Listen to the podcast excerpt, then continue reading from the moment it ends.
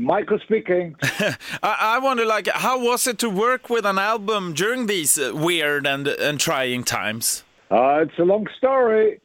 I mean, it's it's it's a bit kind of a three-step process, and uh, you know, in in 2019, I realized that the 50th Michael Schenker anniversary was coming up. I wanted to celebrate that with uh, uh, musicians, fans, and friends, but it was dragging on and on and on and it's very hard to get musicians from all over the world together, organizing it, and so on. And uh, and, and at some point, it I, I you know. I felt like I missed the timing, and, and I actually gave up and, and didn't, you know, want to do it. And then my agent said, "But Michael, the album came out in '72." And I said, uh, "Wow! Then I have got two years to do this, yeah. you know." And and uh, I go by um, not when it was released really, but I go by when I put the first note on my very first recording. So that's for me when it starts. And but now having the '72 release included, you know, I I thought like, okay, what I do is I put a compact band together to make it simple, have a humble 50th anniversary, and uh, and, uh, and and make it workable. And so I actually asked. Um, I, I had asked Ronnie Romero if he if he wanted to sing all the songs. Yeah. And and he said yes. And Bodo Schopf was on board. Uh, on board, um, great drummer Steve Mann, uh, keyboards. Barry Sparks kept emailing me, Michael, I want to be your bass player. I said, you, you got it. And so so I had a band together. And um, and so you know, I went to the uh, in early 2020. I went to the uh, 70,000 tons of metal cruise. Uh, went, um, came back to the um, to Miami. Uh, um, spent four days in a hotel and started writing. Went back to the UK. Carried on. I did all my uh, compositions. Uh, were done, and then um, I, I saw this thing on TV about, you know, there was a problem with the virus. So I checked my routing. I usually go by car, and uh, we are a Euro channel and uh, France, Belgium, Holland, and then uh, make it to Michael Voss's recording studio, co-producer in Germany. And uh, and so, but I couldn't use that route because it, everything was blocked. Everything was going crazy, and and so I I so we had to figure out a, a different route, and, and and we found one which was uh, going to Harwich. I'm in the UK. From Harwich to uh, Hook of Holland uh, by boat. Uh, sleep on the boat for seven eight hours, and then uh, Holland wasn't a problem, and so you know making it to the recording studio. So I put all the you know my compositions down backing track. Ready to go for Ronnie Romero. And so we called him up. Hey, Ronnie, are you ready? Oh, I'm sorry, I can't. I think he lives in Bulgaria. I'm sorry, I can't do it. I, I, it, the, I can't go on 14 days quarantine. Everything is locked up, be locked up, and, and I have commitments, and, and, and uh, I can't go on 14 days quarantine. Okay, don't worry. We we we we find a solution. We will call you back. And uh, so I asked Amy, my partner. She's a bass player. She has got a very good taste. She's a music consumer, and uh, you know I haven't been listening to music for 50 years, so I don't know what's out there. and uh, I asked I asked her. Um, we were stuck with Ronnie. Do you have a singer in mind? She said, "Ralf Scheepers." I said, "Okay, I trust you." Uh, I said to Michael Voss, uh, what do you think of Ralf Scheepers? He said, absolutely. And uh, the next day they were recording. Then they were recording another song. Uh, I went, wow. And at the same time, uh, Brian Tichy, you know, one of the best drummers in the world uh, with Whitesnake and, and Ozzy Osbourne and so on, huh. um, he, he's a Michael Schenker fan, and, and he heard about the 50th anniversary and said, um, I offer to Michael uh, 50th anniversary six drum tracks. I said, what? I went like, wow, you know, what is going on here? And uh, and then he called back Michael Voss just minutes later, you know, uh, saying um, Derek Sherinian, he's also a fan. He wants to make a contribution. And and I said to Michael Voss, what are we going to do with a heavy duty um, keyboard player like Derek from Dream Theater? I mean, I never heard him, you know, play, but I know he was he's a top notch, top ten uh, uh, keyboard player. Um, and uh, and and he's and Michael Voss said like, why don't you? Uh, because like I I was uh, uh, putting all my guitars down myself this time, and asked Steve Mann just to put some sprinkles on the keyboard to keep it guitar oriented, and uh, he agreed. And and uh, and I said to Michael Voss, what are we going to do with with with Derek? Uh, he said like, why don't you do a a guitar keyboard jam? I said, guitar keyboard jam? I, I've never done that before he said like, well, it's your 50th anniversary, you know, maybe something fresh, new would be very would be very suitable. And uh, I said, you mean like Ritchie Blackmore and Jon Lord? He said, yeah, something like that. uh, I, I, you know, I, I kind of thought like, well, you know, this is actually unique um, never done before, 50th anniversary. So it would be something exciting for the fans to, to hear something I didn't, I haven't done before. And so um, when I actually listened to the result, it became Drilled to Kill. And uh, when I heard Ralf Scheepers' voice, I was absolutely shocked. I, I didn't know there was a vocal on this planet like that. Uh. and, and and, and, and then I, when I listened to the whole, you know, Brian Tichy and the drumming and and and the uh, the keyboard guitar jam, ah, man, I was shocked. You know, I, I I was I was over the moon. It's so powerful. I, I mean, I, I, I have never done anything like that. I mean, it, this is incredible. So um, now that was two songs less for for Ronnie Romero. So we called him up again. Are you ready? I'm sorry, it's still 14. I can't do 14 days quarantine. and, you know. Oh, by the way, you know, I I had to actually do this trip um, um, via via uh, Harwich, uh, Hook of Holland, uh, four times, and I had to go on quarantine a total of 42 days. Oh, damn. And, and, not, yeah, but not in one go. You know, every time I came back, because I didn't only just go to the, I had to go to Germany four times because for you know backing tracks, then putting lead breaks down, and then and then um, doing video and singles and stuff like that.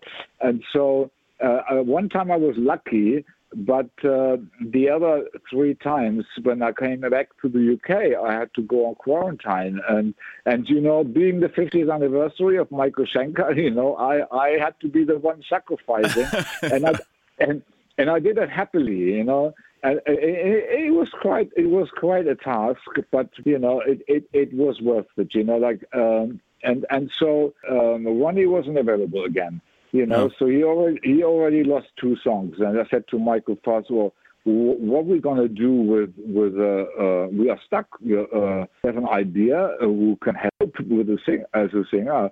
He said, uh, "What do you think of Joe Turner?" I said, "Joe Turner, one of my favorites. He's a fan. I'm a fan." Um, do you have a connection? Absolutely. The next day they were recording and another song. Uh-huh. I went, what is going on here? I mean, all of a sudden, what I planned in the beginning, which I couldn't get together myself, then put a compact band together, and now the virus was completely redirecting everything back to the original plan. But this time, I didn't have to do anything. It all happened by itself. The phone calls were coming in. It was unbelievable. To say the least, it was really challenging, but but uh, the end result was totally worth it, right? Yeah, and so your first question was, you know, yeah. uh, was there any complications? So I explained it all. It was it was a three step, you know, uh, but but in the end, it, it, it just I, I was just gifted by you know, you know, I, I, I didn't join Ozzy Osbourne. You know, I love Ozzy Osbourne. Uh. Um, um, I declined. I'm a Black Sabbath fan, Zeppelin fan, Deep Purple fan, etc., etc. From you know the early days, and uh, you know you have to imagine. I, I got I got offers from um, um, Deep Purple, um, uh, um, Ozzy Osbourne, uh, Motorhead, uh, uh, Ian Hunter. I mean, you name it, Whitesnake, etc., etc. I had to decline all of them because my vision after I helped Rudolf um, with the Lonesome Crow album to open the doors for America, I, I, I, I had my own vision you know, to get to my next step in my life, you know, which was the third part of my life, was which like you know, stay, uh, be an artist. I wrote I wrote a hit, uh, Lights Out, when I was 21 in in uh, 76, and I ran away uh, from from UFO because I was scared that the business was putting me in a box and expected me to you know, uh, create hits. Uh, but then Pete Way persuaded me to come back. I did Obsession. I did Strangers in the Night. If I would have stayed with Strange with with UFO, which was starting to peak at that time, would have been one of the biggest bands in the world. But you know, I, I had to move on. They were all chasing fame. I never did and and so I'm, I, I was just simply not. I was 180 degree opposite. I, I wasn't interested in what they were chasing, and so did Rudolf. You know, chasing fame.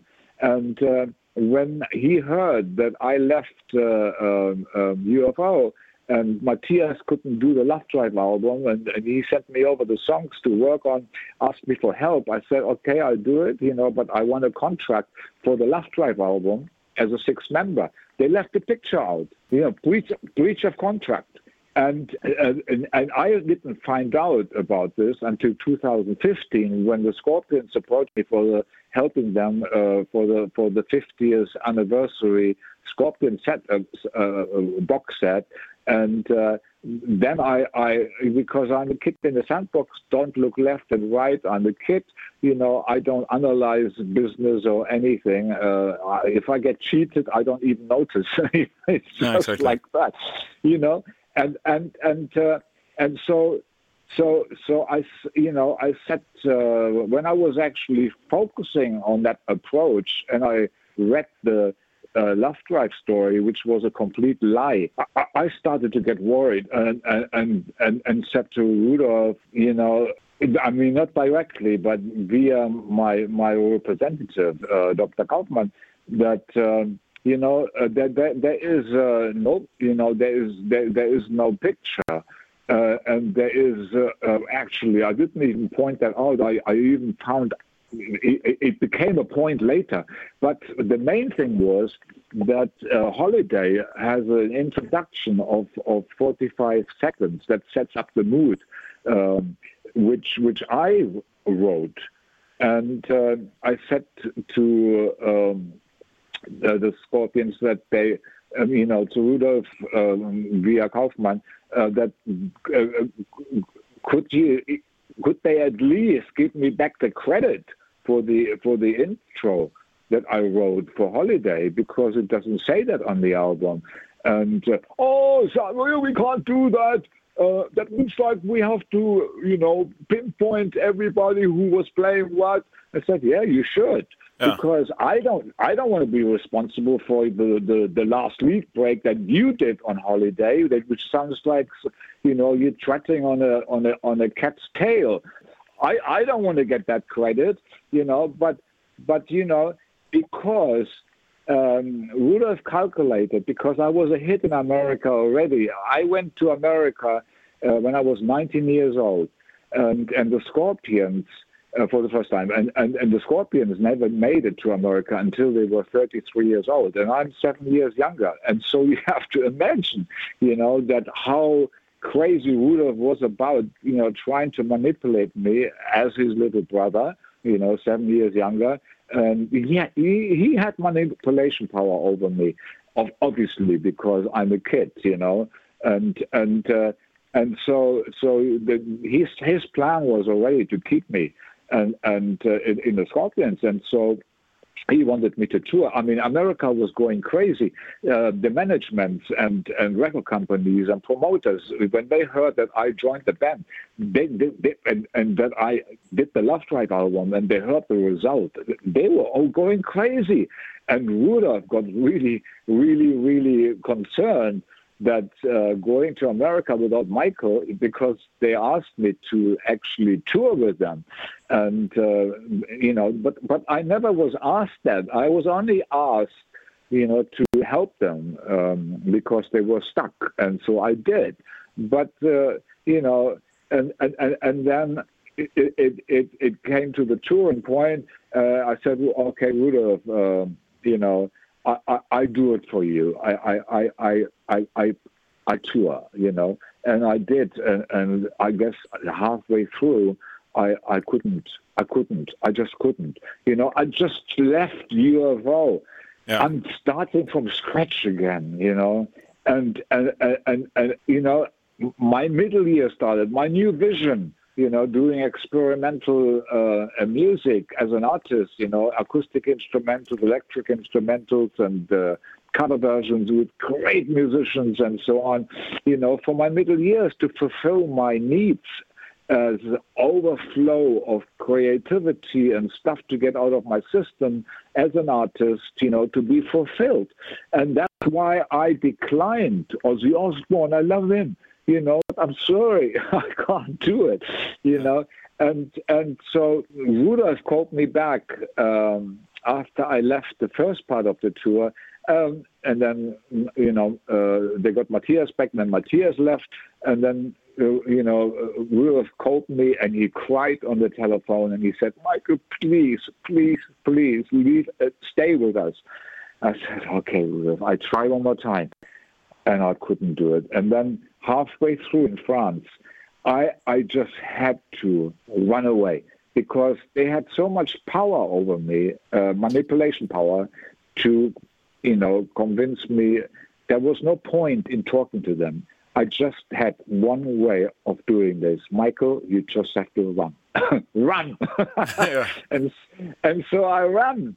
But I ran into the arms of Peter Mensch you know, and Peter Mensch was AC/DC manager, and he heard that I was free, and it sent me straight to uh, New York to jam with Aerosmith.